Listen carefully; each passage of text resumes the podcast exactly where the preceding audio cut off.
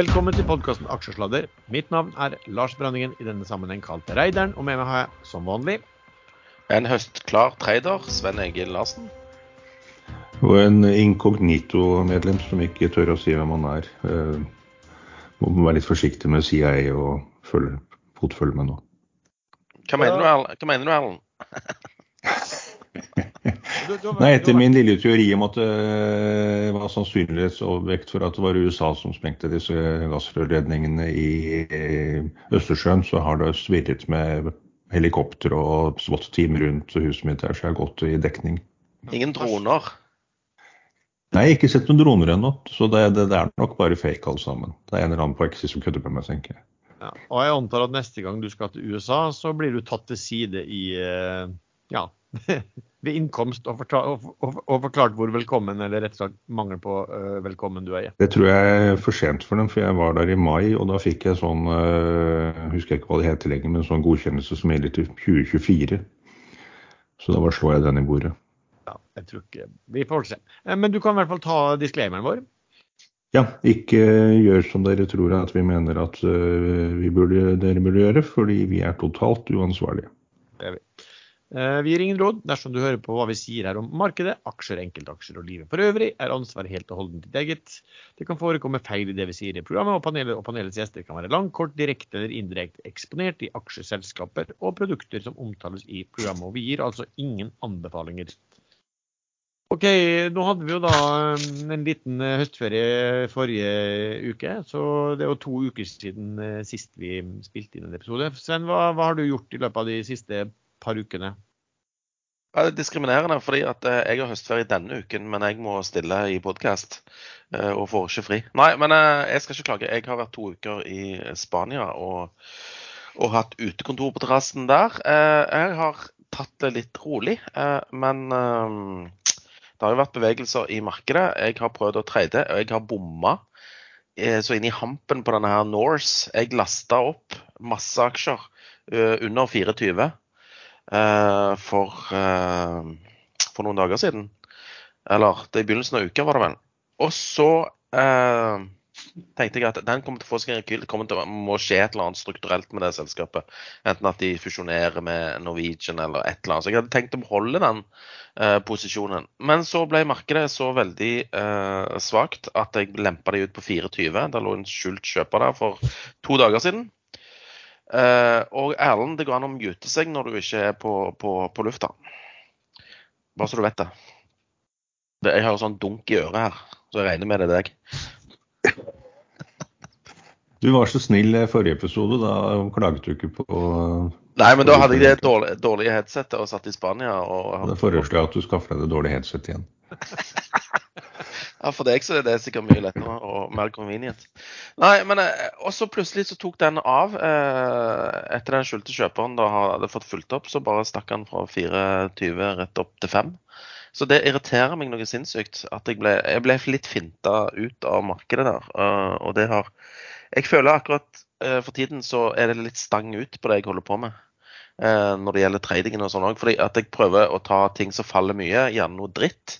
Uh, og så kommer det aldri rekyl, for det er bare masse selgere. Se f.eks. på en aksje som heter Nordhelt. Uh, som driver på med noe helsegreier, jeg vet ikke helt hva. Men uansett, da. Uh, der gikk det masse volumer i går. Uh, jeg prøvde å ta imot og skulle ha en rekyl, men det kom bare mer aksjer til salgs. Og den fortsetter ned i dag. Så det er mye svakhet i mindre drittselskaper fortsatt. Uh, og min anbefaling eh, har vel egentlig vært å holde seg unna de, men jeg klarer jo ikke å gjøre det, liksom. Jeg er som en flue på Ja, du vet når det er en, en, en, en haug med dritt, så kommer det alltid masse fluer uh, oppå der. Så jeg er en av de fluene. Så jeg kjemper litt i motvind uh, for tiden, føler jeg. Ja. Sånn, liv, det er ikke alltid så lett å, liv, å følge liv og lære, eller hva? Nei, altså fordi at Eh, normalt sett så, så, så, får du rekyler, men uh, markedet er veldig svakt. Og spesielt er dette her uh, drittaksjemarkedet enda svakere enn en det vanlige aksjemarkedet. Um, Erlend, hva har du gjort? Har du gjort noe som helst i løpet av de par ukene? I den uken som har vært, har jeg eh, bare redusert litt i Frøy, Frøyer Battery. Eh, amerikansk notert. Norsk selskap Gjelsten er det vel som står bak det. Eh, de anbefales av alle som anbefaler i USA, så det vil nok bli bra på sikt. Men eh, akkurat nå, mellom meldinger, så følger de bare indeksen i USA opp og ned, med litt større utslag begge veier. Så der har jeg faktisk valgt å bare beholde de jeg har, eh, og ikke bry meg om 3 eh, %-regelen. For det er selskapet har jeg litt tro på. Så det er det eneste jeg har for tiden. Så får jeg se hva jeg tør å kjøpe bortsett fra det. Men jeg, jo, jeg ble jo saved by the bell i Flyr eh, forrige uke. Vi hadde jo ikke episode forrige uke. Da hadde jeg en relativt grei post. Eh, håpet på å endre gull, Og så, og så fikk jeg faktisk en privatmelding av en som ikke pleier å sende meg det, som sa at eh, han hadde hørt noen rykter i bransjen om at dette kom til å bli veldig dårlig. Eh, så solgte jeg alt, og dagen etter så kom dårlig melding. Så det var, det var egentlig litt flaks i timingen fra hans side. Han visste ikke noe direkte, men bare generelt at Flyr sliter. Det han hadde fått med seg, var at eh, de hadde kuttet ned alle rutene i Norge. Eh, selv de såkalte melkerutene som eh, flyselskap pleier å tjene penger på, hadde Flyr sluttet å betjene, eller ble redusert kraftig. Så det var et stort rødt og da solgte jeg alt. Og dagen etter så falt kursen med over 30% så det var råflaks. Ja, Kongsberg Gruppen hadde en liten tredje på statsbudsjettet. Eh, men det er også da fra uken før. Eh, jeg regnet med at eh, Forsvaret ville få mye større bevilgninger, bevilgninger, bevilgninger. Og det fikk de jo for så vidt òg. Og det er veldig mange våpenlagre i Nato som har tømt over grensen til det som er forsvarlig, så det må produseres veldig mye uavhengig av hvordan krigen i Ukraina går, egentlig. Eh, og hvis den fortsetter, så må det produseres enda mer. Men de har jo selvfølgelig gått en del fra bunnen ned på 250-tallet, eller der det pleide å ligge før, opp til, eh, til 140-tallet nå. Så det ble noen kroner, men ikke mye. Så jeg solgte de.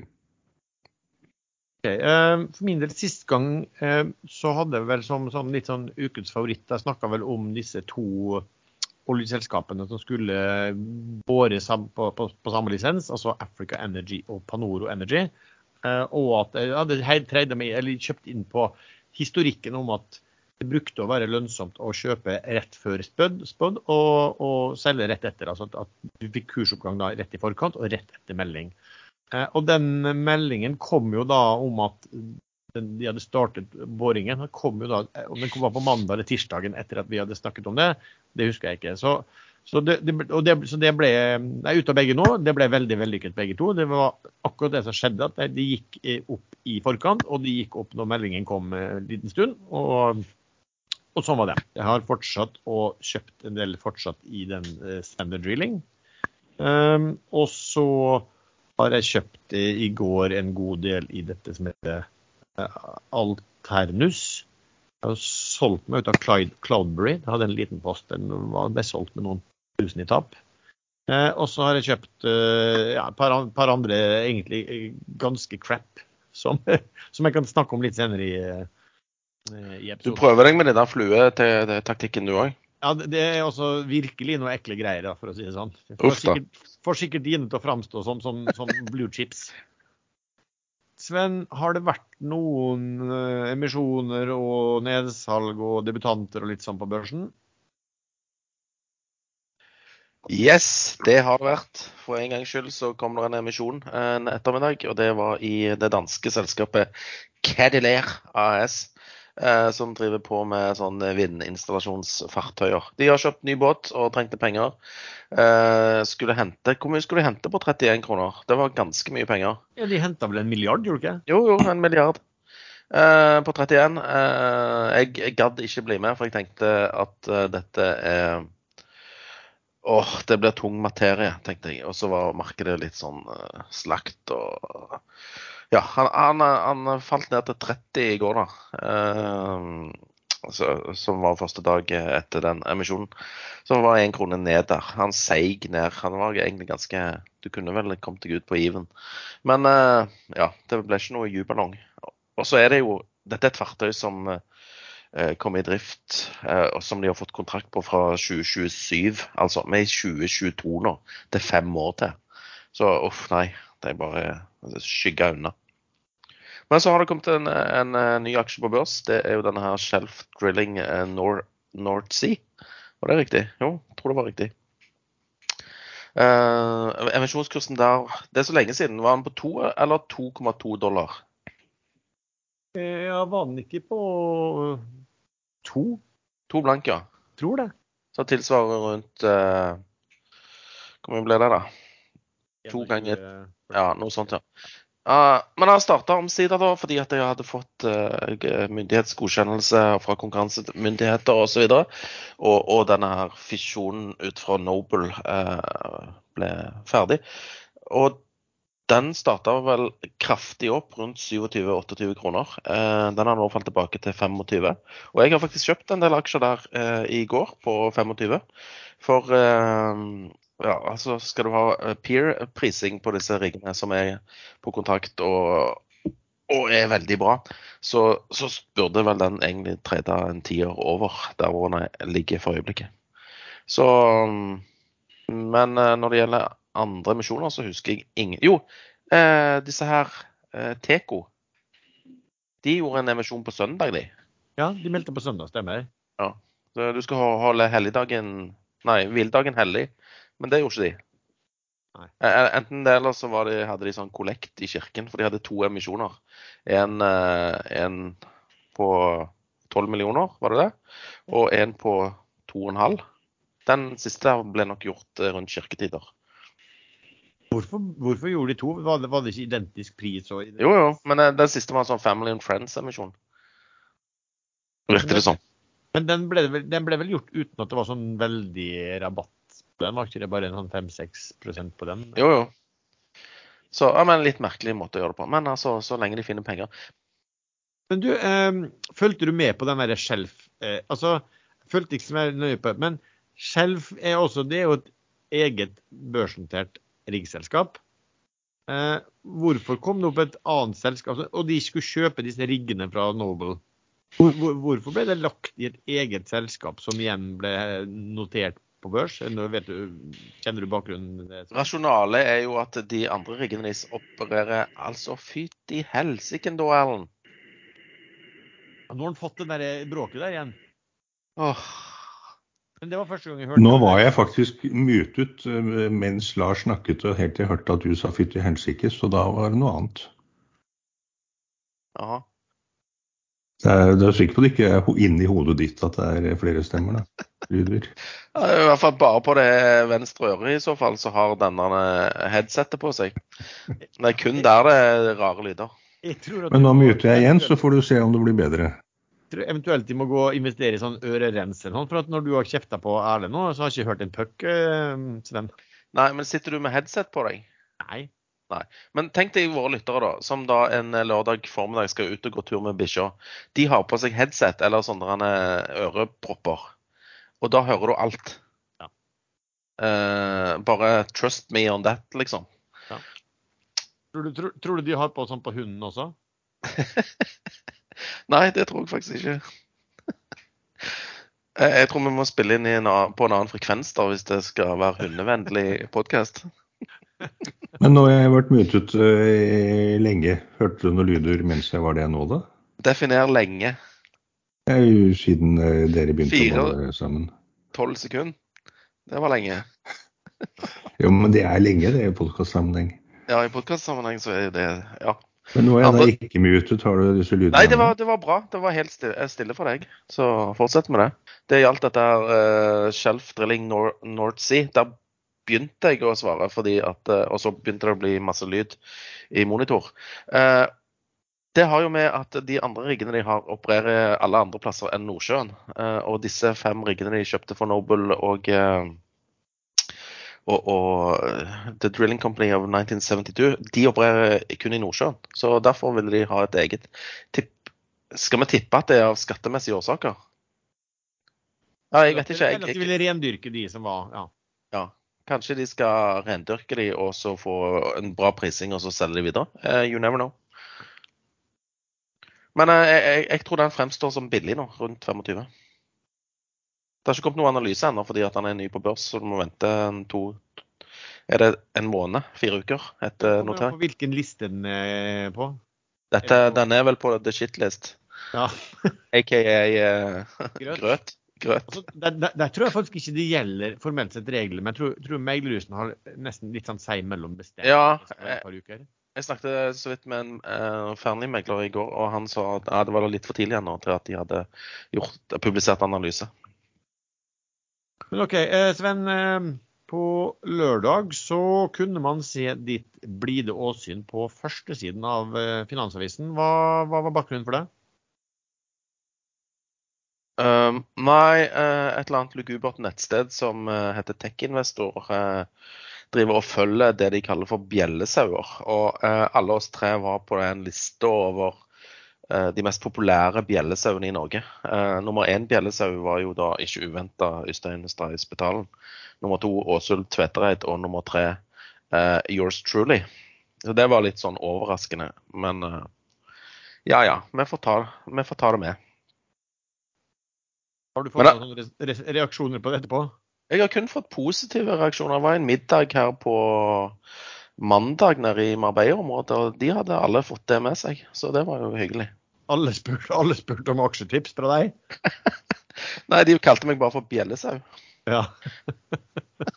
det var jo litt morsomt, da, for av folk som man visste var der som var aktive skribenter, da var 35% av topp 50. Så det var jo 50 navn de, de publiserte. 35% var jo aktive skribenter på ekstrainvestor, og, og minst 40% av topp 10. Så det var jo Men at Erlend Henriksen er inne på topp ti der, det er jo litt alarmerende med tanke på hvilke aksjer han roter seg opp i.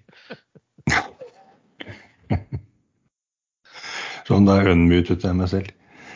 Ja, jeg tenker at den niendeplassen på den listen der, det er det høyeste jeg noensinne kommer til å nå. Så jeg vurderte faktisk å, øh, å melde at jeg øh, avslutter øh, min karriere i aksjesladder øh, mens, mens jeg er på topp. Men da vil dere sikkert bli så lei dere at det kunne jeg ikke gjøre. Med til historien hører jo selvfølgelig at eh, dette her eh, visste vi at, eh, at det skulle skje. Så vi fikk eh, gode venner til å bare følge oss eh, på, på den der eh, lista der, sånn at vi, vi steg opp. Eh, Så vi, vi egentlig lå vi vel rundt sånn rundt nummer 300 hele gjengen, tror jeg. Jeg tviler på om det der forumet eller TechInvestor har 300 medlemmer. Eller, de, de, de, Nei, det er- de er ganske flinke. Det er jo bra, det er bra den tjenesten de har der sånn sett også. Så, men det er med å, å sitte og kunne følge det, det er faktisk blitt veldig detaljert hvordan du kan begynne å følge aksjonærer nå på børsen. Du, du, du trenger ikke handle og være topp 50 lenger. Du kan holde at du er blant de topp 50 som handler den dagen. Og hvis du da er i små aksjer, du hadde kjøpt 1000 aksjer, du begynner å kjøpe noe, så dukker du opp på lista der etter, Ah, etter tre dager. det er for- Det er, det er VPS da som kommer med disse listene. ikke sant? Det forklarer en del, fordi plutselig eh, Ja, han gameren Erlend eh, Arnøy, han sendte meg en melding her for noen uker siden. Eh, ja, den, eh, de aksjene du har kjøpt i NBX, er, er det en trade, eller er det en eh, langsiktig? Hæ, what the fuck? Hvordan skulle han vite det? Eh, men eh, da skjønner jeg hvordan ting henger sammen. Men når kjøpte du de aksjene? To dager før han sa det, eller samme dag? Nei, jeg kjøpte de, eller han kom et par dager etter jeg hadde solgt de. Ja, det er fordi de har, ikke, de, de har ikke tilgang til noe annet enn T pluss to, dvs. Si handelsdagen pluss to dager etterpå. Men det som Lars sier, er at jeg var langt ned forbi topp 50 på aksjonærlisten. Men allikevel, hvis jeg er topp 50 eh, ja, eh, den dagen, så, så har de data på det. Personlig så syns jeg det er en uting, da, fordi at Ja, det, det gjør at uh, hvis, hvis, du skal, hvis du vil begynne å kjøpe deg opp i eh, den aksjen f.eks., uh, så er det jo gjerne sånn da, i sånne mindre likvide at, at du, du får ikke mye aksjer om gangen. Så du må kanskje kjøpe deg ofte over noen uker f.eks.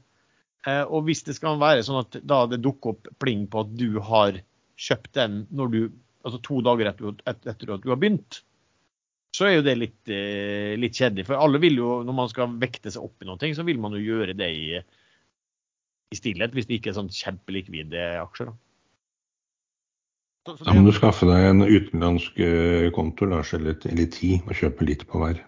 Ja, men eh, det, man må, må, jo begynne å vurdere om etter, man kan gjøre faktisk et eller annet sånt. Da, for det, jeg syns det er veldig nærgående av, av, VPS. Men det også.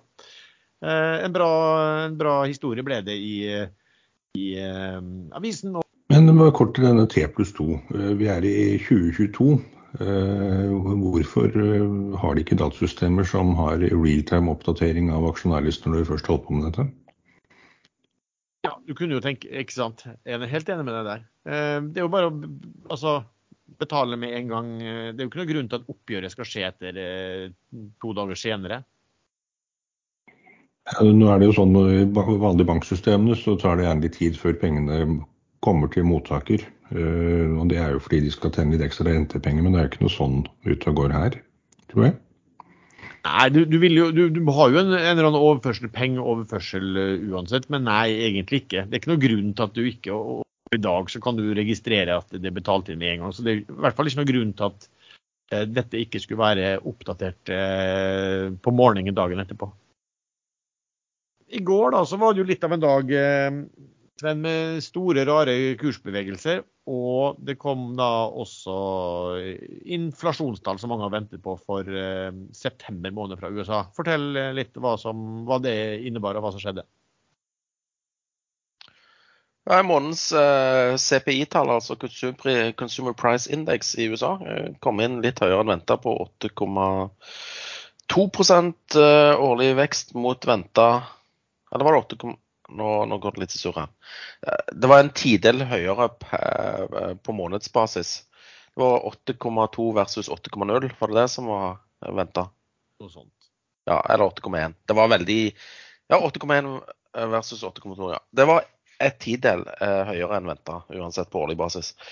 Og det førte til eh, at eh, futurene i USA de ble kjemperøde og markedene åpna jo ned sånn type 3% på, på Nasdaq og, og 2% på, på SMP. Men det som skjedde intradag, det var jo at eh, markedet snudde fra 2,6 eh, ned. Eh, eller la meg finne dataen her. Ja, fra minus 2 til pluss 2,6% intradag. Og det er rimelig spesielt og siden nyhetene som kom, egentlig var dritdårlige. Altså, det, det, viser jo bare at inflasjonen er veldig sticky. At den kommer til å, å vedvare ganske eh, lenge, og at renteoppgangen vil bli kanskje høyere enn folk har sett for seg. Men eh, aksjemegler Brekke i DNB eh, sendte en mail eh, i går eh, aften til sine kunder, klokken 23.34 faktisk, der han prøver å forklare hva som skjedde. Og han trekker fram at det var et rekordantall eh, putter på enkeltaksjer i USA som har blitt utstedt eh, den siste uken. Og at eh, et analysebyrå trodde at den nedgangen som kom med en gang etter, etter tallene ble brukt til å, å selge disse puttene, altså ta gevinst. Og det forsterka seg jo bare i og med at de som da kjøper de eh, puttene, de tar jo og eh, sikrer seg i markedet med å kjøpe aksjene. Sånn at eh, ja. Det ble bare en selvforsterkende effekt, og da hiver jo shorterne seg òg på og dekker inn shortene, for de ser at ting går feil vei. Så det høres ut som en plausibel forklaring på det litt irrasjonelle handlemønsteret i går, syns jeg, da. Men det her kom, begynte jo å snu på helt på slutten av dagen i Norge, vel? Eller hvordan var det? Når var det? Det, det, det åpna jo bratt ned, men når... Ja, det åpna, det åpna bratt ned, og, og, men uh, det, henta seg relativt sånn sakte, men sikkert inn. Og på kvelden i USA så ble det bare sterkere og sterkere oppgang, fordi da skjønte jo folk at oi, dette skal jo ikke ned igjen i dag. Og, og, og det, det stengte veldig sterkt. VIX-indeksen falt jo òg, eh, selv om disse um, rentet, eller eh, KPI-tallene var, var dårligere enn venta. Så det var vel kanskje et lite tegn. Um, du har jo snakket mye om uh, bluechip-aksjen, uh, blir det sagt, Doff, uh, her i Aksjelader. Og, det har vi vel alle gjort. Uh, og så kom det melding fra selskapet i går som klargjorde en hel del ting. Hva, hva, var de, hva, var det de, meldte? De presiserte vel egentlig bare det de har sagt før, men de kom med litt eh, tall, eh, tall, rundt det. De sa at hvis aksjonærene stemmer for forslaget på en generalforsamling som kommer nå i begynnelsen av november, eh, i uken som begynner 7.11, var det vel de sa, ennå ikke innkalt til den, eh, da vil aksjonærene sitte igjen med 4% av framtidig egenkapital i selskapet. Eh, hvis de stemmer nei til den løsningen, da vil Doff søke om rekonstruering, og der har de tydeligvis eh, tilstrekkelig antall kreditorer med seg, over 50% Og da vil de sitte igjen med 1% av selskapet. Og Hvis da denne opprørsgruppen, som kontrollerer eh, sannsynligvis rundt en tredjedel, som, det er nok til å stemme ned det første forslaget, skal man stemme ned det andre, så må man ha over 50% av aksjene, utstående aksjer, kontrollere de eller fremmøte stemmer på generalforsamlingen. Og det spørs det om de klarer. Men hvis det stemmes ned også i andre runde, da vil selskapet begjære oppbud. Det blir konkurs, og kreditorene vil via et NUCO, et nytt selskap, kjøpe innholdet i Doff. Og da vil dagens aksjonærer få ingenting. Så det er i hovedsak det som ble presisert denne gangen. Eh, men jeg leser jo på forumet at det fremdeles er helt åpenbart at denne opprørsgruppen ikke tror noe på dette. De tror det er masse verdier og at vil bli, de vil klare å redde det på en annen måte. Eh, de må nok få en wake-up call snart. Men hvis man ser på omsetningen etter den meldingen som kom i går, eh, og også i dag, så er den på 4-5 millioner aksjer. Og det er helt åpenbart at disse opprørsgruppene da ikke pøser ut aksjene sine og har innsett at slaget er tapt. Det kan jo fremdeles skje, men foreløpig har de ikke gjort det. Det er 317 millioner aksjer i selskapet ca. Men det som er litt interessant, det er eh, hvis man blir sittende med 4 eh, på kurs 0,69, som er dagens laveste, eh, så tilsvarer det en market cap etter rekonstruering på rundt 5,5 milliarder kroner. Det vil jeg tro er eh, en god del for høyt i et restrukturert Doff. De vil fremdeles ha igjen 16,3 milliarder kroner i rentebærende gjeld. De har ca. 22 nå og skal konvertere 5,7 milliarder. Eh, og med rentene som er på vei opp, og det kan jo være at de går veldig mye høyere enn dagens renter eh, før det stopper, så vil Doff få ganske høy rentebelastning når de må begynne å betale disse rentene etter hvert. Men det er uansett om det betales eller ikke, det kommer jo under regnskapet. Så ja, eh, jeg tar ikke den aksjen nå på 0,71 som man kan få den på nå.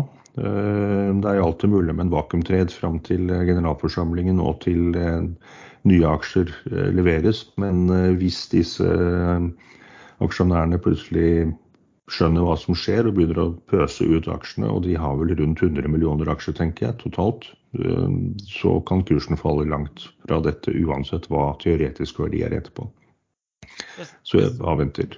Ja, men det som var litt eh, spesielt, var vel at eh, i den meldingen var vel at eh, selskapet ikke eh, fortalte hva de mente trodde ville skje.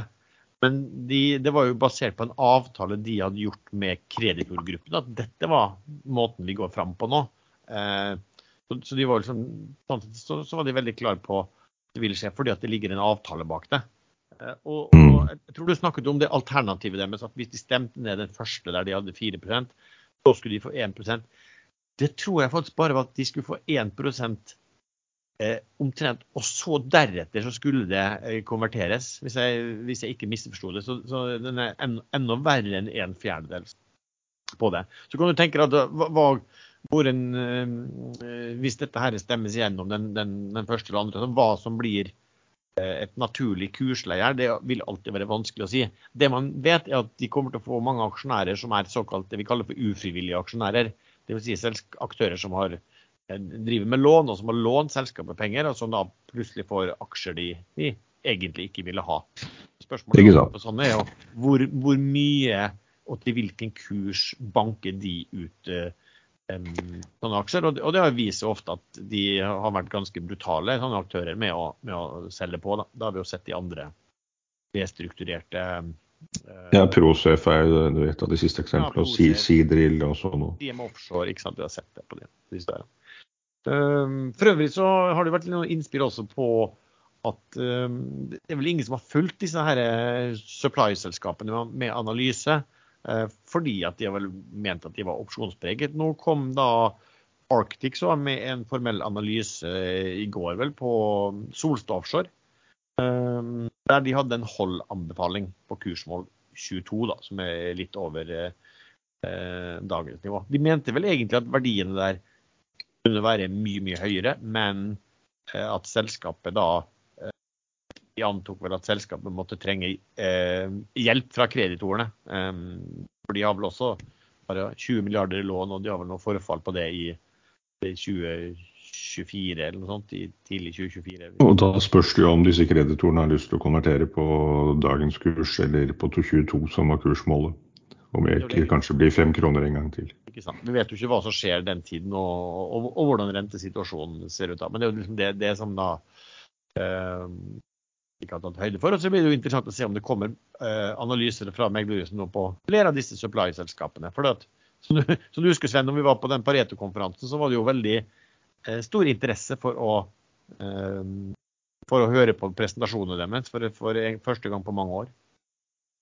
Men eh, Soff, der har jeg en hemtreds på gang sånn etter hvert. Den lå, kursen lå jo på fem-seks kroner da jeg regnet med at det kom en ny rekonstruering før kursen stakk, og så stakk den. Den gikk jo opp til nesten 50 kroner. Tigangeren, som ikke jeg var med på. Eh, så nå håper jeg at den faller ned til fem en gang til. Eh, da skal jeg kjøpe den. OK. Eh, det er vel ellers så er det litt eh, oppstått en del oljebråk etter siste OPEC-møte mellom da, amerikanerne og Saudi. Hva, hva, er det OPEC har gjort, Sven, og hva, er, hva gjelder bråket nå? Jeg har ikke de kutta kvoten sin med to millioner fat, da? Jeg husker ikke fra når. Sånn reelt sett var det vel 1,2 millioner fat, ja, i og med at ikke de var oppå De begynte jo å snakke om, om noen hund, altså noe, om 1 million eller 500 000 til 1 million, og så, tok de skikkelig i og sa 2 millioner. Men de har jo ikke klart å oppfylle kvotene sine fram til nå, da, så dette er jo som Erlend sier, reelt 1,2 millioner. Men man skal jo absolutt ikke se bort fra at Saudi-Arabia her tok et politisk valg og valgte å støtte ikke nødvendigvis støtte Russland, men eh, undergrave Bidens forsøk på å få ned bensinprisen og vinne mellomvalget. Altså, ja. den, er litt, den, er jo litt, spesiell, hele biten der. fordi at OPEC, det forrige møtet de hadde, da beslutta de å øke produksjonen sin. Da var det først snakk om å øke det med 500 000 fat per dag, og så ble det økt til 100 000, som folk sa at hvorfor gidder de det, liksom. Eh, og så kommer de på neste møte, og så skal de kutte med, med to millioner. Eh, så, og så dramatisk endret ser da ikke verden ut siden sist gang var en måned eller to siden. Nei, men eh, det, det, er vel tall som tyder på at kanskje resesjon er uunngåelig, og da er det jo lurt å kutte i kutte tilbudet.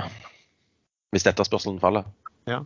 Så Saudi Aramco, det, det de eh, også Saudi-Arabia sier, er jo at de, de, må passe på markedet. Og så sier de eh, Saudi Aramco har vært veldig klar på de sier det er altfor lite investeringer i ny oljeproduksjon. Eh, og derfor må de sørge nå for å ha prisen så høy at det faktisk blir eh, investert nok. Eh, slik at eh, man ikke kommer i et ja, for, for et tilbudsproblem da, framover. Eh, og det er jo litt interessant i forhold til både oljeselskap og oljeservice om det viser seg stemme. Altså Hittil har vi kanskje oljeselskapene vært ganske egentlig forsiktige med å øke investeringene når man tenker på hvilken fantastisk kontantstrøm en del av de har, for, ja, har hatt det siste året. Bare en liten ting, ting her nå, når det gjelder timingen min og at jeg er jo off for øyeblikket. Eh, jeg satte en liten short i ProSafe i går på closen fordi noen dro den opp eh, fem kroner i, i auksjonen. Så eh, Bare 1000 aksjer, da. Men allikevel. På 180. Og så dekte jeg akkurat den nå på 181,2, eh, fordi at de kom med en sånn operational update, og den så jo relativt grei ut. Og så nå eh, OK. Nei, nå trekker jeg det tilbake. Han var nettopp 177, bare bang smokk. Og det var rett etter jeg tok og dekket med 181,20. Så ja. Jeg, jeg, jeg, sliter litt med å treffe planken for øyeblikket.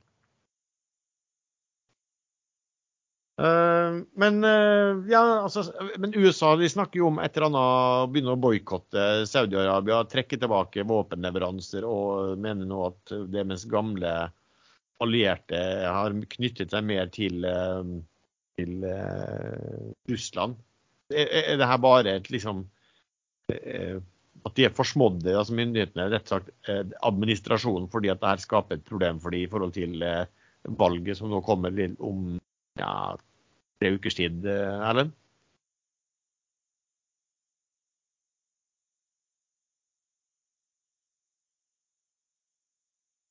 Tror du han snakker noe med mute-knappen på, Sven? Ja, det tror jeg faktisk. Ja, der kan du se, Sven, hva du forårsaker. Nå la jeg ut en lang utredning her og var egentlig ferdig. og I og med alderen min så har jeg allerede glemt hva jeg sa. Eh, spørsmålet var om eh, om dette var politisk innblanding?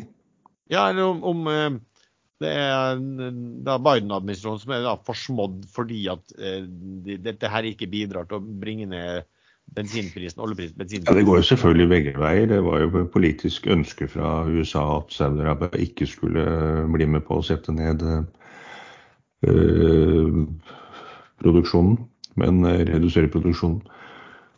Men eh, i og med at Saudi-Arabia er ganske avhengig av våpenleveranser fra USA, så, så har USA et eh, helt reelt pressmiddel mot dem.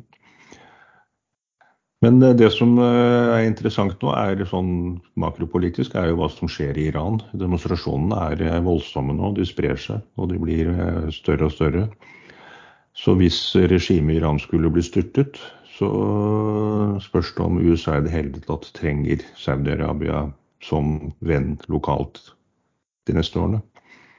Jeg så, jeg så det, var en, det var en senator for Demokratene som, som, sa at nå De hadde vel en del tropper, og de hadde vel også utstyr og skulle selge våpen og alt der. Han, han sa vel bare at eh, trekk alt tilbake og send heller våpnene til uh, Ukraina. Det var det han sa. Eh, Sven, dette var til ære for deg at jeg eh, glemte, lot som at jeg glemte å skru av kaffetrakteren. Du ble så glad sist da den kom. Kaffetrakterlyden kom. Men uh, for å være litt seriøs her da oppi alt dette rotet. Uh, jeg leste noe om at uh, USA hadde tatt kontakt med Saudi uh, for å få lov å fylle opp dette strategiske petroleumreservene sine til uh, eh, 70-75 dollar fatet. Og jeg lurer på om det var et mottrekk fra Saudi da, ved å, å, å, å kutte, kutte, i tilbudet.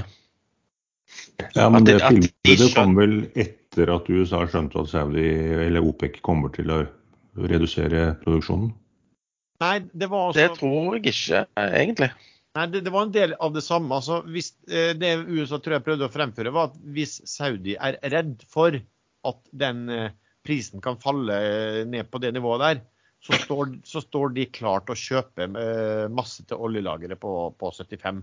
Og så var det slik at kan vi ikke gjøre det slik, og så får dere, får man, får dere, heller se senere om det vil være behov for å faktisk kutte. Det var vel det. Men tror du ikke da at eh, Saudi skjønner at oi, de må snart fylle opp lagrene sine, eh, og da trenger de mye? Ja, Men det må de jo ikke. Det er ikke nei, de må ikke. Nei, nei, nei. Men det er jo kanskje lurt å ha noe i bakhånd? Jeg tror eh, at USA nå kommer til å forsere utviklingen i Venezuela. Er, de trenger egentlig ikke Saudi-Arabia så mye i og med at de produserer mer enn nok olje selv, men de trenger en tungoljeinnblanding for å få fram raffinerte produkter. Og den kan de få i Venezuela, og det tar selvfølgelig tid å starte opp en Venezuela igjen. Men det er en viss opptidning på gang der.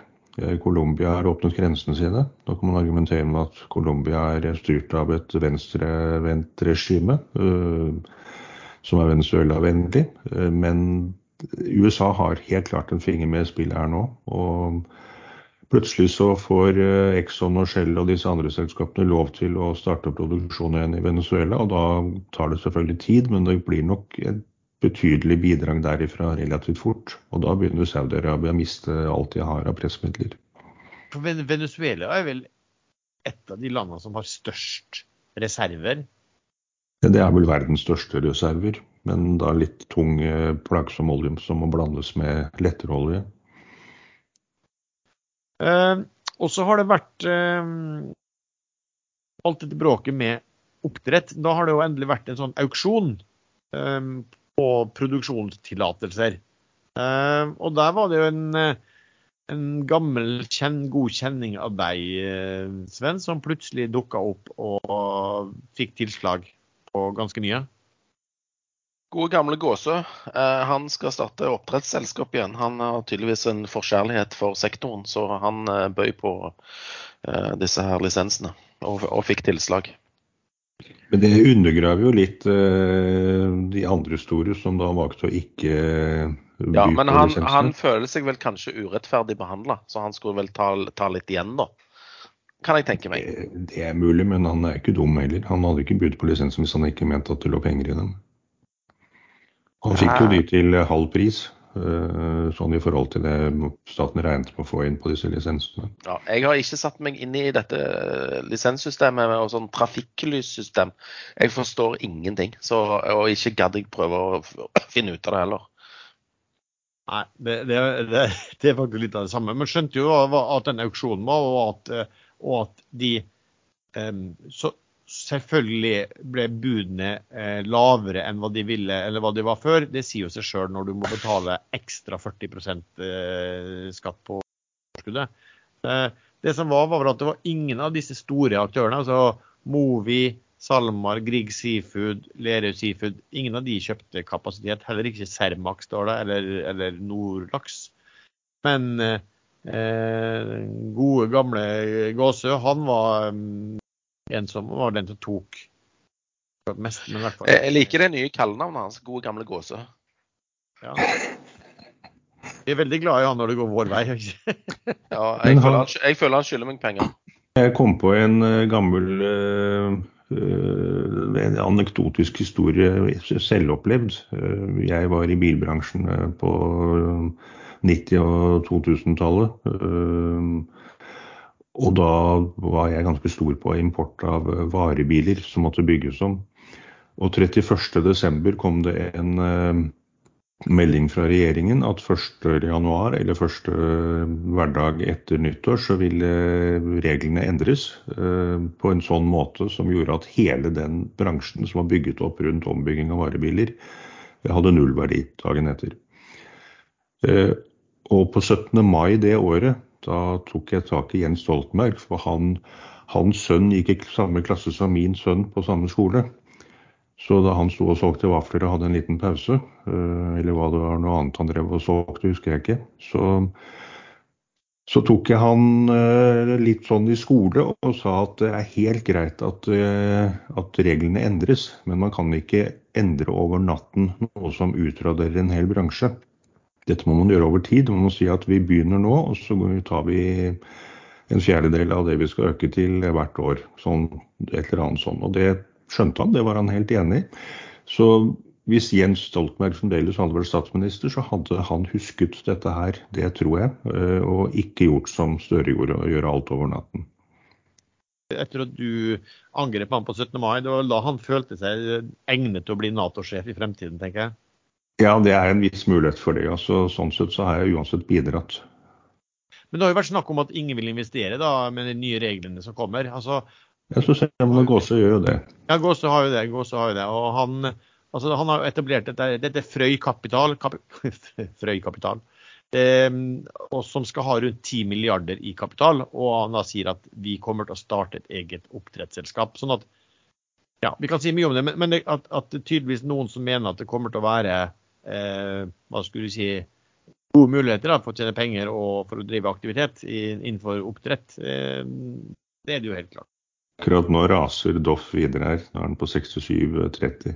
06730. Ja, men jeg, jeg har stått og sett på denne her eh, eh, Prosafe.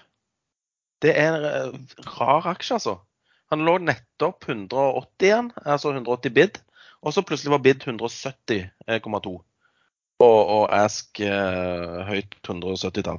Så det, den er ekstremt tynn i, i, boka. Vi kom akkurat med en eller annen oppdatering, eh, melding om driften. Jeg, jeg, snakket om det faktisk, at jeg da dekka shorten min. Du fikk ikke med deg det? Nei, jeg, jeg, jeg var mute. Ja, du var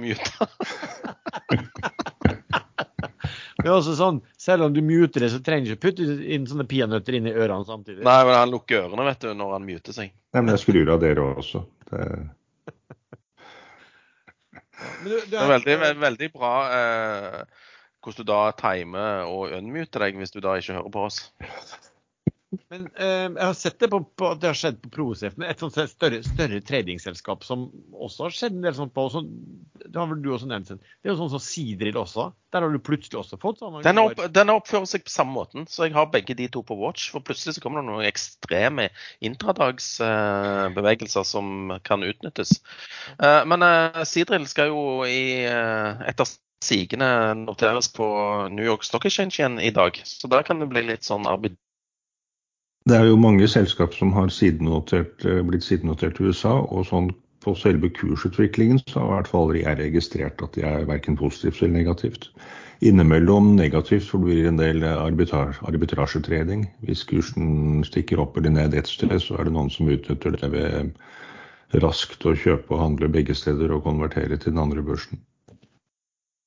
Det er nesten ikke omsetningen. 18 millioner kroner omsatt i dag, det er jo ingenting. Det er riggselskap som er mye mer likvide også, så er det vel da en del mange ufrivillige eiere i Sidril også, som gjør at man bare holder seg tilbake, sikkert kanskje i frykt for at de skal bare ja. Akkurat nå tror jeg de fleste Nå har Sven på toalettet også, nå. Jeg Med mikken. Vet du. ja ja, dette er bra. Ja, dette kan bli bra.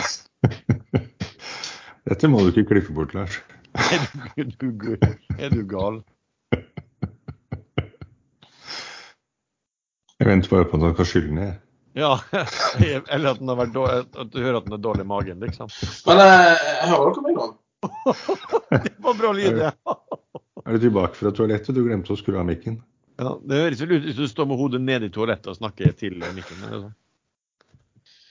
Hæ? Nei, men er det gale? Ta en sånn liten blå pille, så kanskje ting funker igjen. jeg restarter eh, PC-en. Da er det bare oss, det, Lars. da kan vi snakke litt om fyren, vet du. Ja. Hvor mye tror du han betalte for å kjøpe seg opp til plass 3 på den eh, Mjelleshaug-lista? Hei. Du, du, du, spør hvor mye betalte han deg for å sørge for det? For det var jo sånn det var, ikke sant?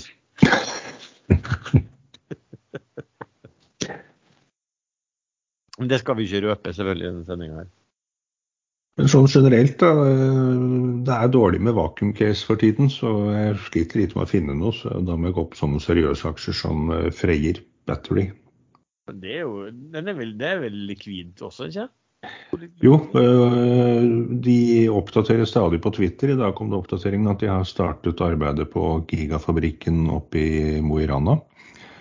Og bare sånn For å illustrere størrelsen på en sånn fabrikk, så er den like stor som fem Wembley-stadion i bredde og lengde.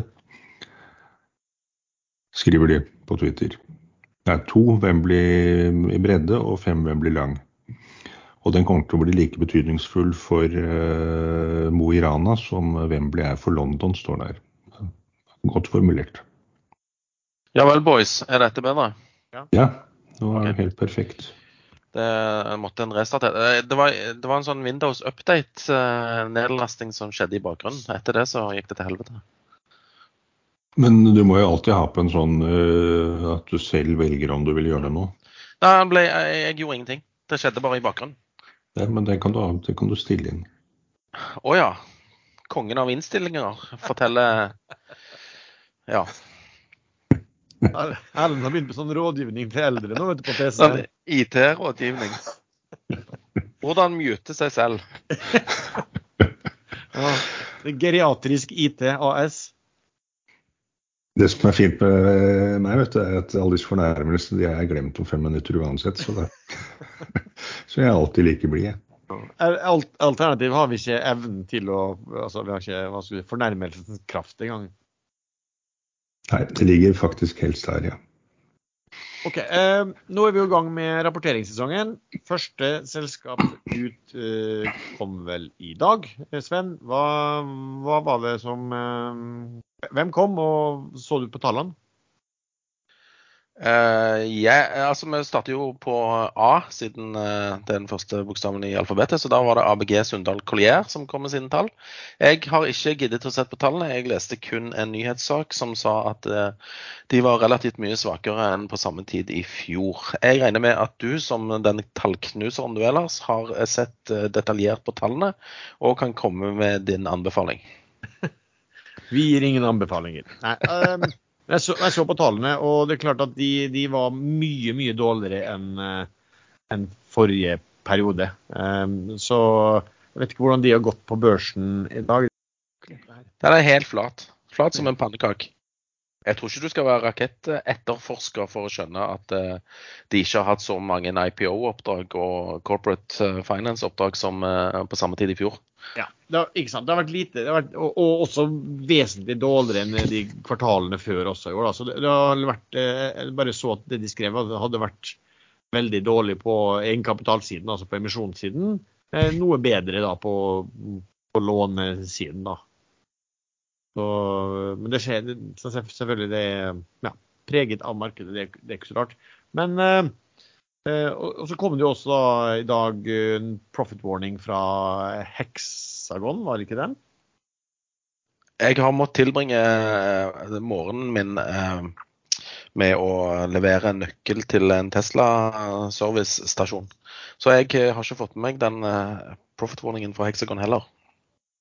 De fortalte at de hadde vel da eh, I august så hadde de anslått en EBITA på rundt 400 millioner i året. Og nå eh, antar de at den eh, ikke blir mer enn 325. Eh, så det er jo 20% ned, da. Og, og, det er jo ganske mye når man tenker på at i dag Altså, det bare Hele den smellen kommer jo bare da i andre halvår.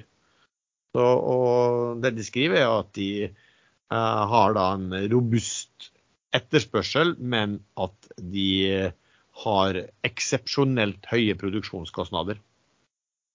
Så eh, her er det jo ja. It's, altså, de skylder på inflasjonen, ja. ja. Men tror du ikke flere selskap kommer til å gjøre det? det, jo, dette blir som korona. Da skyldte alle på korona. Nå skylder alle på inflasjon og strømkostnader. Det er, jo, det er jo, riktig, det. Det blir sånn. Eh, men Sven, for det var mitt sånn neste spørsmål på hva, har, du, har du noen sånne tanker generelt om rapporteringssesongen? Hva vi kommer til å se? Hva tror du? Jeg tror uh, at uh, de som har kostnader i, i utenlandsk valuta versus norske kroner, kommer til å få en eksplosjonsarta eh, utvikling på kostnadene sine. Og hvis de har inntekter i, i norske kroner, så, så, er jo det dumt for de. Men eh, jeg vil tro at Altså, det som jeg nettopp sa, at eh, eh inflasjonen kommer til å gjøre kraftige innhugg på, på, på marginene. Tror du vi ser det i tallene allerede nå, eller tror du at det blir litt sånn som Hexagon, som, som jeg tror det er guidingen som kommer til å bli uh, det dårlige elementet her. Inntjeningen eh, de tre første månedene etter sommeren er sikkert helt OK. For nå begynner det å bli såpass sent at da kan du jo også En ting å guide på året, men da kan du også begynne å guide. Ja, men man tenker på rent, de rentehevingene som òg har vært, de har jo ikke Altså, jeg, jeg har merka litt sjøl på det boliglånet som jeg har, at det har gått opp litt, men det har ikke gått opp mye. Men jeg vet ikke hvor mange rentehevinger som er innbakt i, i, i dagens uh, avdrag og, uh, og renteelement. Det, det, er jeg litt usikker på. Hvor, hvor, for det, det, er jo en slags forsinkelse her fra de annonserte rentehevingene til de faktisk slår på, på regningene. Men Sven, du som er så smart og, smart og kan så mye, hvorfor gikk ikke du inn på fastrente på boliglånet da du kunne få det på totallet? Jo, jeg er sånn eh, brent barn skyr ilden-type. Eh, Fordi at eh, jeg skulle være lur etter finanskrisen. Der trodde jeg på at nå skal renten rette opp igjen. Etter de hadde da uh, senka den for å få gang på økonomien. Så jeg bandt, når vi bygde hus så for elleve år siden, så tok jeg og bandt renten min i ti år, jeg. På fire og en halv. Så det var jo kjempelurt. Ja. Og når gikk den perioden ut? Nei, det, det, var for eh, et år eh, siden ca. Så jeg, tror, jeg traff planken der, føler jeg. Ja, og da skulle du ikke det... gjøre den samme tabben. Men nå er heldigvis ikke så mye lån, da, så det, eh, det går helt fint med meg. Jeg, jeg skal ta den ekstra kostnaden. Jeg vant renten på 7, 7 tallet på slutten av 1990-tallet, da renten var på full fart opp. Og da kalte banksjefen meg, det var en sånn liten lokalbank, Eiker, Eiker Sparebank, han kalte meg en idiot. Og så gikk renten opp til 11-12 eh, og så ramla han nedover igjen. Og da han kom på 80-tallet, så løste jeg inn faststrøm til lånet, som man kunne gjøre den gangen, eh, uten kostnad. Og da kalte han meg idiot en gang til, og da gikk renten ned til 3-4 etterpå. Så jeg har egentlig Du skulle spurt meg, jeg kan dette her, jeg. Jeg kjente ikke deg for elleve år siden. Nei. Du skulle vært i rentemarkedet du, Erlend, ikke i Jalla-aksjemarkedet? Ja, helt klart. Det er to-to treff, det er 100 treff. Så. Men ehm, nei, det, det, tar jo litt tid før du slår igjennom hos selskapene. Men det er klart at du har jo en del med flytende rente. Det, det kanskje ser en del på her, er at hvis du går inn og ser på de selskapene som har vært ute i obligasjonsmarkedet og finansiert seg, eh, der ser du jo på mange måter at renten, selv om ikke det er det de betaler, men det, det er jo da mark markedsrenten som sådan har jo eh, skutt opp på en del av det. Jeg satt og så på en liste her om dagen, og det var jo en del som var, kunne være ganske interessante eh, å begynne å, å kjøpe selskapsobligasjoner også. Du, du, har vel hatt noe av det? Har du noe, har du noe av det nå? Den? Akkurat nå så har jeg kun to uh, lån. Det ene er denne her konvertibelen til Aega, som er 575 pluss tre måneders Nibor, som til stadighet øker. Og så har jeg et uh, tror det er fastrentelån i denne her Jaktel, som er på rundt 10% That's it for øyeblikket. Men jeg ser jo på nyutstedelser av disse eh, selskapsobligasjonene rundt omkring nå. Og, og, og på de litt sånn usikre sånn Enquest og sånn, som er et britisk oljeselskap der eh, DNB og Pareto tror jeg henter penger. Eh, det blir gjort til 12% rente. Det er ganske heftig. Det, og det sier litt også når du skal begynne å se på de selskapene som trenger refinansiering ikke veldig langt fram i tid. Så er det jo sånn, hvilken rente skal du da begynne å regne på de? Og hvor mye er det da en av verdier til egenkapitalen på, hvis du må betale sånne Ja, ja og samme med Ja, det, det, det, Hva var det heter? Dette Blue eh, De som har FPSO-er. Eh, tre stykker som er i arbeid. Et europeisk, eller hollandsk selskap som jeg ikke husker navnet på eh, for øyeblikket. Men det er noe med Blue. Forresten nå sto en sånn melding på Twitter fra en journalist i Times om at han Storbritannias finansminister han vil få sparken. De, vel, de kokte vel det til grundig uh, umiddelbart. Den, eh, den, var ikke det han eh, som uh, var det samme under Boris Johnson, som var en av de som bidro til å felle Boris Johnson? Nei, var ikke han helt ny, han her da? Jeg vet, jeg, jeg vet ikke, jeg har ikke fulgt noe Uh, Blue, Water var det. De òg henter penger for å refinansiere eksisterende obligasjonsgjeld til rundt 10% Og Det, det, det er heftig, syns jeg. Vi har fått, eh, Som alltid så får vi jo litt spørsmål. Noen av det baker vi inn i det og, og, og, temaene vi har. Men vi har fått et spørsmål her, f.eks. Når skal man begynne å plukke og vekte seg opp i aksjer igjen? Et spørsmål. Hva, hva tror du? Det er jo, svaret er jo veldig enkelt på bunn. ja, og når er den? Ja, det var det, da. Jeg tror dette skal mye, mye lenger ned. Jeg tror, Jeg ser fremdeles ingen lyspunkter i makroen noe sted fra noen kant. Til og med Kina har jo nå mer eller mindre offisielt sagt at de, at de klarer ikke vekst, muligens ikke i det hele tatt. Hva tror du, Sven? Jeg håper Erlend får rett.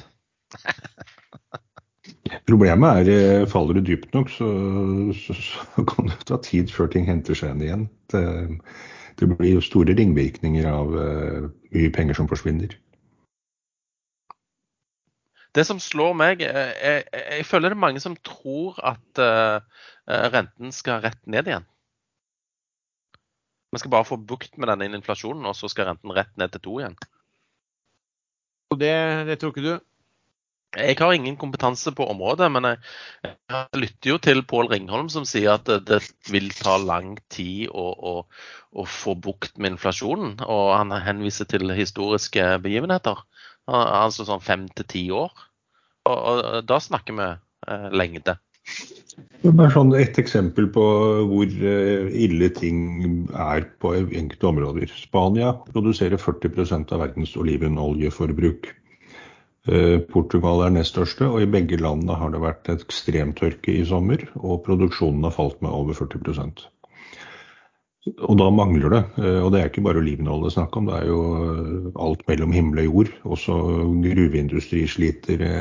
Alt som bruker mye strøm olje, gass sliter. Så det, det, det, mangler varer overalt, og det vil jo forsterke inflasjonen kraftig.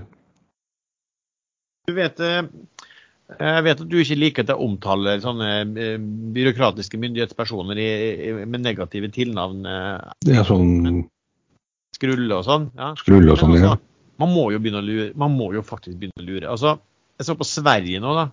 De kom med inflasjonstall nå. 10,8% og der har jo de virkelig klint til sentralbanken. altså Nå er de jo oppe i 1,75% rente. Altså, Det betyr at du har, du har 9 negativ realrente fortsatt. Så, altså, hvordan de tror at de skal bekjempe inflasjon med det der, det er jo helt latterlig. fordi at hvis du har 10% inflasjon, så er det jo, er det jo bedre å kjøpe tingene i dag. Ikke sant? Hvis du har tenkt å kjøpe noe om tolv måneder, så er det jo bedre å kjøpe det i dag før det blir kjempedyrt. ikke sant? Det, så, så, det bidrar jo de bidrar jo ingenting. Og altså, Tyskland hadde 10% inflasjon, og der har jo den europeiske sentralbanken 0,75% De snakker om at de skal opp. De, ja, nei, Det er helt utrolig. Men, eh, men altså, det, det, jeg tror som um, kommer, kommer, til å skje for at, Jeg syns jo det her begynner å bli litt fort litt sprekker på ting. altså Du begynner å se på, se på hva de holder på med i, i UK med pensjonsfond og alt der jeg begynner å lure på noe om at OK, renten kommer til å gå ut, Fed kommer til å være hard på det, men jeg er ikke så sikker på at de kommer til å være like tøff på, på QT. Det vil si at de reduserer beholdningen av verdipapirer. Eh, men om det gir noe sånn innsikt i når man skal begynne å plukke det, det er, altså, Å treffe en bunn er helt eh, det er vanskelig. Eh, personlig har jeg en sånn litt sånn tese om at sitter fortsatt mye i cash, men så skal jeg vel inn og se om ikke vi kan få, få til et eller annet julerally da, når folk har lyst til å være glad i halvannen måned eller noe sånt. Men er, det lov å anbefale månedlig sparing i fond? Ja. Å fy faen, er vi på sunket så dypt? Det var, jo du, du, som spurte om det var lov. Ja, ja, ja, det var med en, med en viss sarkasme i stemmen, da. Men ja. mulig du ikke hørte det. Nei, til de som skal treffe bunnen. Start månedlig sparing i, i aksjefond. Gjerne globale aksjefond. Så. På en av månedene vil dere treffe, liksom? Om tre-fire år så har dere truffet bunnen. Nei, men Markedet er veldig vanskelig eh, å, å, tyde på kort sikt. Altså, Du så bare den utviklingen i USA i går. Altså, Du kan kanskje se for deg, hvis du har alle data på bordet, at oi, nå var det max bearishness her, og det har aldri vært utstedt så mange put-opsjoner på en gang, at du da skal bli litt kontrær for å, å, å gå imot. Eller uh, at de da Altså, fristelsen blir for stor til å ta gevinst på kort sikt for de som da har kjøpt disse puttene. Og så får du en sånn eh, helt motsatt effekt. Ja. Men dere to dere er jo skikkelig pessimistiske. Jeg vil jo si at jeg er liksom moderat skeptisk. Jeg, føler meg veldig, føler meg veldig positiv til markedet i forhold til hva, hva dere to sier. da. Nei, jeg prøver å, prøver å høres optimistisk ut. Jeg. Hadde jeg sagt hva jeg virkelig mener, så, så hadde jeg Det er ikke bare CIA som hadde kommet og tatt meg. Men da, det, Jeg bare flyter med. Så får vi se hvor markedet går hen. Men uh, der, der finnes jo alltid muligheter. Selv om jeg syns markedet er litt vanskelig uh, kortsiktig for øyeblikket. Er det noe mer dere har lyst til å snakke om, eller skal vi komme oss over på det som kan være en ukens favoritt? Eh, Jeg har to egentlig ting jeg vil, vil ta opp. Den ene er at uh, i går så tok jeg inn uh, robotklipperen for sesongen. Og den har jeg snakka lite om uh, i år eh, på podkast, fordi den har oppført seg helt eksemplarisk.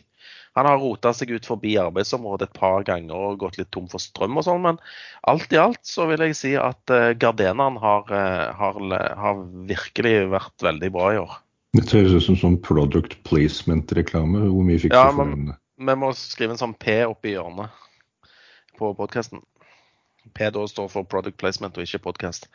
Uh, nei, jeg fikk ingenting. Men jeg er veldig fornøyd med den, da. Så nå, nå, nå har han gått i, satt han i dvale. Du, hørtes liksom så glad ut i stemmen når du snakka om det kontra når du snakka om markedet. Ja, fordi den har oppført seg sånn som jeg trodde og håpte og, og sånn. Så den har jeg Ja, de enkelte gangene han eh, sitter fast og sånn, så har bare hjulpet han opp igjen. Og, Men hvis det er noen som lytter her som bor i nærheten av Sven, så hadde det vært veldig fint om dere kunne gå og sabotere den gressklipperen en eh, mørk natt. For han er mye morsommere når den eh, ikke funker som den skal. Det, dette må du klippe bort. Det er oppfordring til eh, straffbare forhold. Det skal vi ikke ha i podkast. Jeg kan ta den andre tingen jeg ville snakke om. Eh, for to dager siden tror jeg det var, så ringte det en kar fra Pareto-systemet. Han eh, tydeligvis hadde sett på selskapet mitt, da, Slako, Slaco, og der var det verdier og sånn. Eh, og så eh, liksom Han har tydeligvis ikke lest den eh, finansavisen fra lørdag. For han, eh, han visste jo ikke hvem han snakket med, da. Bortsett fra at eh, ja, han visste jo navnet mitt, men ikke hvem jeg var, eh, hvis det er lov å si. Og så sier han ja, om de kunne få holde en presentasjon via Teams og sånn og greier. Og han måtte jeg bare gi en liten sånn eh, lekse, fordi at eh, du vet kanskje ikke hva jeg holder på med, men jeg holder på å investere i aksjer og obligasjoner og sånne ting. Og hvis du da tar fra meg dette her, da har jeg ingenting å holde på med i livet lenger. Hva skal jeg da gjøre? Eh, nei, det var jo så vidt et godt poeng, sa. Altså, uh, ja, da må jeg jo begynne å spille golf, og det kan jeg jo ikke nå. For nå har jo høsten kommet her, og det er umulig å spilleforhold og alt det regner og alt mulig. Og da må jeg dra til Spania. Og, og da kommer kona og ungen til å bli veldig sure på meg. Så jeg ser ingen oppside i at du skal overta det som jeg holder på med på daglig basis. Og jeg, eh, ja, jeg smørte på og, og Han tok det egentlig med godt humør, da. Men eh, ja. Eh, Så, så til dere som driver på med sånn formuesforvaltning og sånn skal ha folk til å eh, hive pengene inn i systemet, ikke gidd å ringe til meg. For da har jeg ingen mening i livet lenger. Og da, da går du til grunne. Nå er det litt morsomt da, fra, fra England. For England kom i problemer. ikke sant? For Den nye regjeringa foreslo jo da at, sin, at, at de skulle kutte, kutte skattene, altså selskapsskatten bl.a., i en tid med høy inflasjon. Eh, og da ble det jo eh, litt uh, rentebråk. Men nå er det jo sånn at nå skal visstnok eh, flere aviser her som vil si at han finansministeren får sparken. Og, og her skal de øke uh, Nå skal de øke, Istedenfor å kutte selskapsskatten, så skal den økes ganske kraftig i april. da. Ja, uh, Forutsigbarhet er veldig viktig.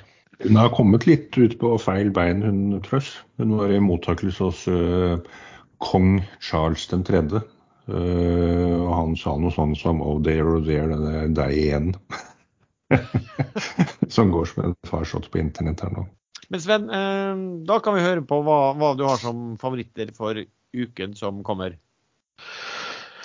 Det er litt vanskelig å velge, eh, for det er ikke så mye å velge i. Eh, Jeg er jo generelt negativ til markedet på, på kort, kort sikt.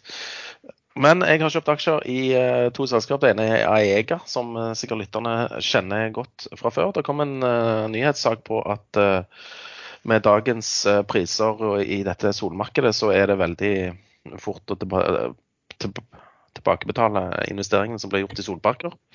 Men der kjøpte jeg i forrige uke. Og så har jeg kjøpt i denne her Shelf Drilling North Sea. For jeg tror at den skal reprises opp mot Pierce.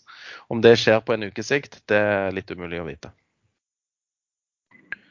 Ellers så uh, Det ble kort trading framover for min del.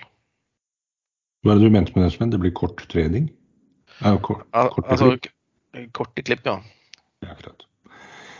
Jeg sitter jo og følger med på Sidril og vet selv ikke hvordan det blir mottatt i markedet. At de nå sidenoteres i USA og flytter til hovedlisten.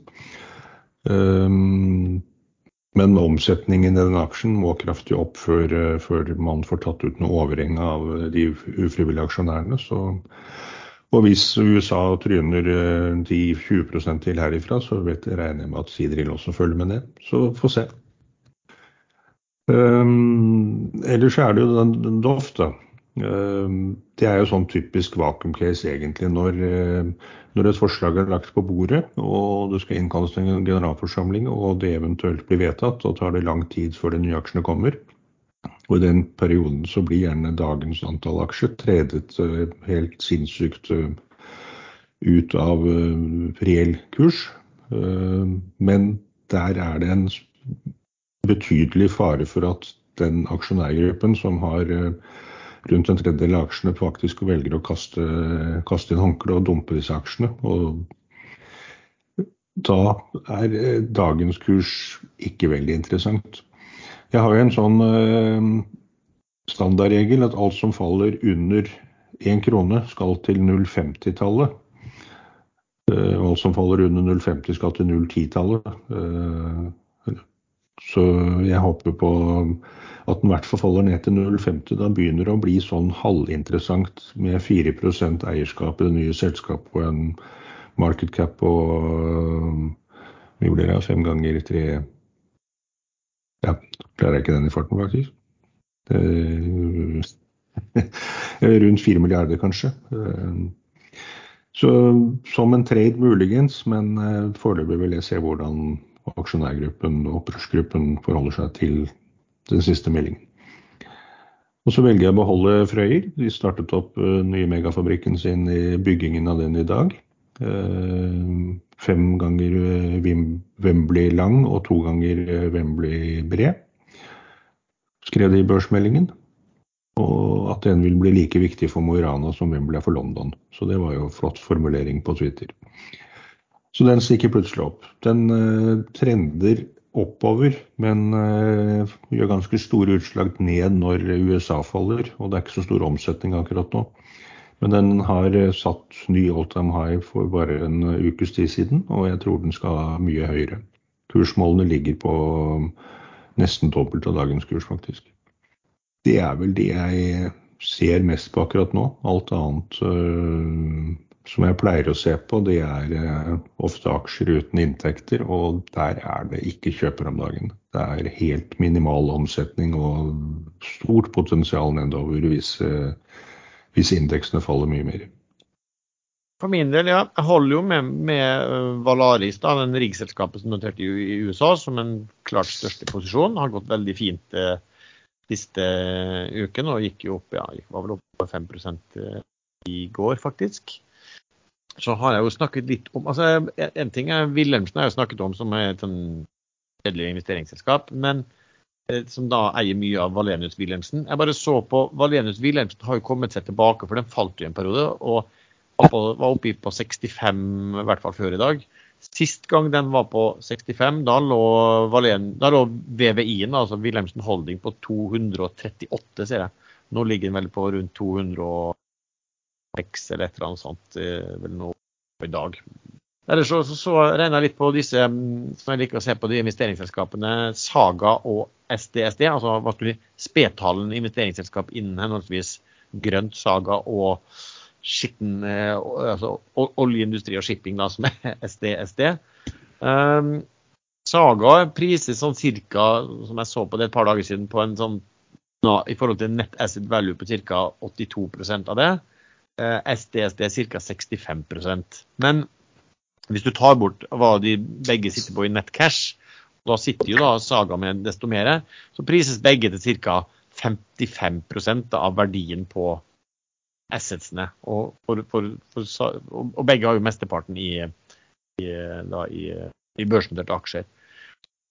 Litt sånn skuffa, fordi at på sånne investeringsselskap så tenderer de til å bli, hvis ikke, hvis ikke man gjør noe når det blir store rabatter, så tenderer man til å forbli med store rabatter, ref VVI. Så, og når man sitter med så mye cash, og du begynner å bli prisa, altså assetene dine begynner å bli, som er børsen, begynner å bli prisa med 50% så vil jeg si at det er en veldig smart måte å begynne å kjøpe tilbake egne aksjer. Også for å se, sikre deg at du ikke ender opp med en sånn eh, veldig kjedelig høy rabatt over eh, lengre tid. Eh, jeg er jo fortsatt Alternus. Det kan være at jeg har solgt den før sendinga er ferdig. Sånn planmessig er vel egentlig å Der skal de ha en presentasjon da på mandag. Jeg tror at jeg sitter over den, men eh, det vet man ikke. Det, det, det har jo har en inngang der på 19, kjøpte jeg på, jeg har 19,8 her på den, og den er jo 24,3 nå, så det har jo vært veldig bra på. Ehm, så nevnte jeg jo at jeg hadde en sånn riktig dritt som jeg hadde eh, kjøpt noe i. Og det var litt sånn fordi at nå eh, skrev jeg også på chatten at nå kjeder jeg meg litt, for nå måtte jeg finne noen ting. Og eh, den, den har jeg kjøpt noe.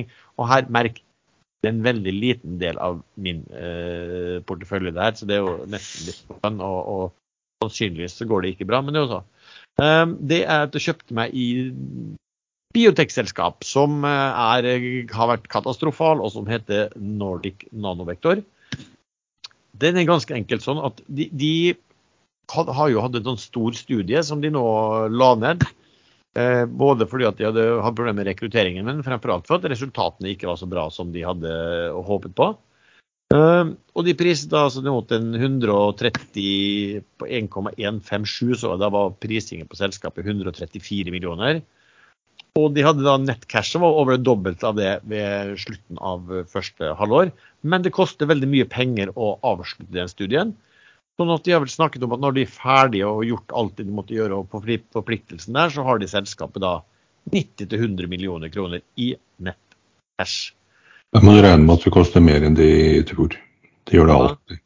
Det koster stort sett alltid mer enn de tror. Kanskje. De har estimert, de har estimert at det koster, koster, et sted mellom 170 til 200 millioner kroner. Så eh, om de har tatt i for lite eller for mye, det, eh, det vet ikke jeg.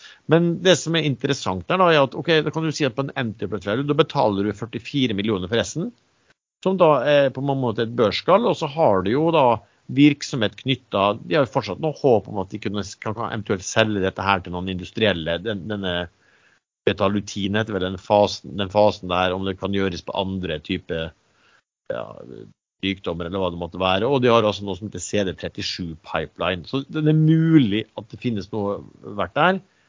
Eh, det som jeg syns var interessant å se på det, var at det er fremførbare underskudd i selskapet. For det er faktisk på Nå kommer det til å være ved årsslutt på ca. over 3 milliarder kroner. Så det vil si at eh, teknisk verdi regner jeg da fram på over 600 millioner. Så hvis du da antar at eh, det å stenge, det å stenge eh, studiene og alt det der, at det, at det, koster hva de har antatt, så betaler du egentlig eh, 44 millioner, da, en slags enterprise value. Og da får du et, et, et eh, fremførbart underskudd på teknisk verdi 638 millioner. Nå vet jeg ikke hva det, det er tenkt, men også en annen ting som jeg kjøpte det, det er jo også fordi at eh, North Energy har kjøpt seg opp der og blitt eh, flagga vel over 5 for en stund siden. Og North Energy er jo mm, ledet og eiet i stor grad av han Onarheim, som han heter. Og Onarheim var før eh, toppsjef for Carnegie. Og Nordic Nanovekter de har jo engasjert i en strategisk vurdering og eventuelt hva man kan gjøre med selskapet. Da har de leid inn et meglerhus, og det meglerhuset er selvfølgelig Carnegie. Så da tenker jeg kanskje at de eh, vet eh, noen ting, eller sånn, har noen tanker om risk reward da, som er bedre enn hva, hva jeg måtte ha. Og de har også kjøpt sin på, som det ser ut, eh, klart høyere nivå. Jeg tipper kanskje at de har kursmål, har en snittkurs da på en 1,40 eller så, så det er det er som du sier, da, Ellen, at sjansen for at de kanskje at de bruker at det koster enda mer, er er absolutt til stede, og at det ikke er så mye å finne på. Men samtidig så syns jeg vel at det, det finnes en viss sjanse for at her er noen som kan komme og gjøre noe. Plutselig så har du noen industrielle som uh, later som de finner verdier, men først og fremst tenker på, på det skattemessige her, da. Og det er årsaken til det. Um, og, så det, ja. Um. Jeg vil se på omsetningen i denne dag. Det er omsatt for 190 000 kroner. Det er ikke så lett å komme seg ut hvis, hvis man har lyst til det. Nei, det tror jeg du sa på eh, en eller annen vi hadde for litt siden også. Og plutselig så var det lett å komme seg ut på høyere kurs. Så det kan jo variere ganske mye, da. Det var, Lu, det var Lumi-gruppen, det husker jeg. Ja, du kom deg ut der? Ja, men ikke med noe gevinst. Kommer seg alltid ut. Ja. Men det er veldig ofte med et tap, ja. hvis du må ut. Ja. Nei, men altså, det, det, det som jeg sier, at, den, det at den Altså når, når, eh, når, det ble kjent at North hadde kjøpt seg opp inn, da gikk jo den kursen til over to, høyt, godt opp på totallet. Husker jeg mener at den var på 2,30, kanskje høyere enn det også. Eh, og så har den da bare falt, eh falt tilbake igjen. Så jeg kjøpte der eh, i var vel fortrinnsvis i går eh, på dagen. Jeg kjøpte den, for da, da kom det litt aksjer ut til salgs. da. Det kan jo godt være at det blir mer, mer enn nok aksjer til salgs på klart lavere verdier enn det vi, enn det vi ser i dag. Så, så, så, det er litt sånn slaktecase det der, da. ikke sant, på, Hva kan man bruke dette selskapet til? Kan det være det, de holder på med? Kan det ha hatt noe verdi? Eh... Men, men var dette, dette fluedrittcaset ditt? Ja, det er jo Vi kan ikke si noe annet om det. Nei, det, det, det var jo en rasjonalitet bak uh, uh, tankene her. Ja da, men det kan jo være drittselskap for det. da. Altså Litt sånn håpløst. Så, så mange, det er jo litt artig av og til å finne ting som er litt håpløse. og så tenker kanskje at ja, ja, nå er det så håpløst at det kanskje risk rewarden er. Nei, men altså North Energy med han Onarheim, de kjøper seg ikke inn eh, for å kaste bort pengene sine. Nei, egentlig. Altså, nei, men det er jo min tanke også. at Et eller annet må jo de ha eh, en idé om hva som foregår her. Og det er klart at Han, han har jo kontaktene inn i, inn i, i, Carnegie. Ikke at han vet hva de jobber med for selskapet, men, men eh, jeg vil jo anta at Carnegie har fulgt dem ganske lang tid. og Da er det kanskje folk der som finner ut at OK, ser kanskje at det finnes en sjanse for at det ene eller det andre skal skje, eller at de selv tar kontrollen og, og bruker det på en eller annen type børsinstrument eller, eller, hva som helst. da. Men det er klart det er jo den skattebiten her da, som er den fete gevinsten her, hvis noen vil uh, en mulighet til å få utnyttet den. Noe ellers, eller er det på tide å ta helgen nå? Nei, Vi må ta en kort tur innom UK igjen. Uh, vi har jo våre sorte svaner hvert år. Eh, min sorte svane i år, det er kupp i UK. Nå kan man jo argumentere med at det kuppet ble allerede gjennomført av Truss fikk kasta Boris Johnson, men den skal jeg, der regner jeg med at jeg blir nedstemt. Men eh, at det blir eh, bråk i, mye mer bråk i UK enn det her eh, kommet fram nå, det er jeg ganske sikker på. Jeg kan akkurat påstå at det blir kupp, men, eh, men ting har skjedd før. Det er jo hele poenget med sorte svaner, at det er noe som er så usannsynlig at det egentlig ikke skal kunne skje. Ja, for det var din sorte svane i år, det var ikke det sant? Ja. Jeg ble litt urolig når jeg så det at det var bråk rundt pensjonspenger og alt der også. Så tenkte jeg altså, ha, ha, jeg tror jeg skrev det i chatten også at gud hjelpe meg hva han kommer til å si hvis han på nytt på en sånn Det kan du bare glede deg til. ja, da blir det helt umulig å ha med å gjøre. Så vi kommer jo til å nedstemme det uansett om det hadde skjedd, egentlig. Nei, det går ikke. Det, det har dere prøvd på før. Jeg har jo en sønn som bor borte i London, så jeg vil jo helst ikke at det blir for mye bråk der borte. Nei, eller at du får, lov til eller at du får innreisetillatelse. Kanskje du blir stengt ute derfra også? Derfra også. ja. Okay. Ja. Med det så tror jeg vi takker til deg som har lyttet til denne episoden. Du treffer stadig oss tre chattene inne på Ekstrainvestor sin eh, eh, forum. Eh, vi har også en gruppe på Facebook som heter Podkasten Sladder. Musikken er som vanlig laget av sjazz.com, og vi høres. Sven, nå fra ca. midten av sendingen hvor du var så oppstyrt oppsatt på at jeg måtte mute meg selv, så jeg ikke mutet meg selv mer. Har du hatt dette øretrøbbelet ditt etter det? Nei, jeg har ikke, jeg har ikke hørt noe ulyder. Da, øh, uten å være for brutal, så tror jeg kanskje at du burde ta en liten samtale med en sånn psykiater eller en sånn Ørelege. Ørelege kan være Når han kan hører lyder i hodet sitt, det er kanskje ikke ørelege. Øre, nese, hals. Ja, nei, men øh, da har vi vel øh, sagt det viktigste. Nå gleder vi oss til kuppet i UK, og så går verden videre.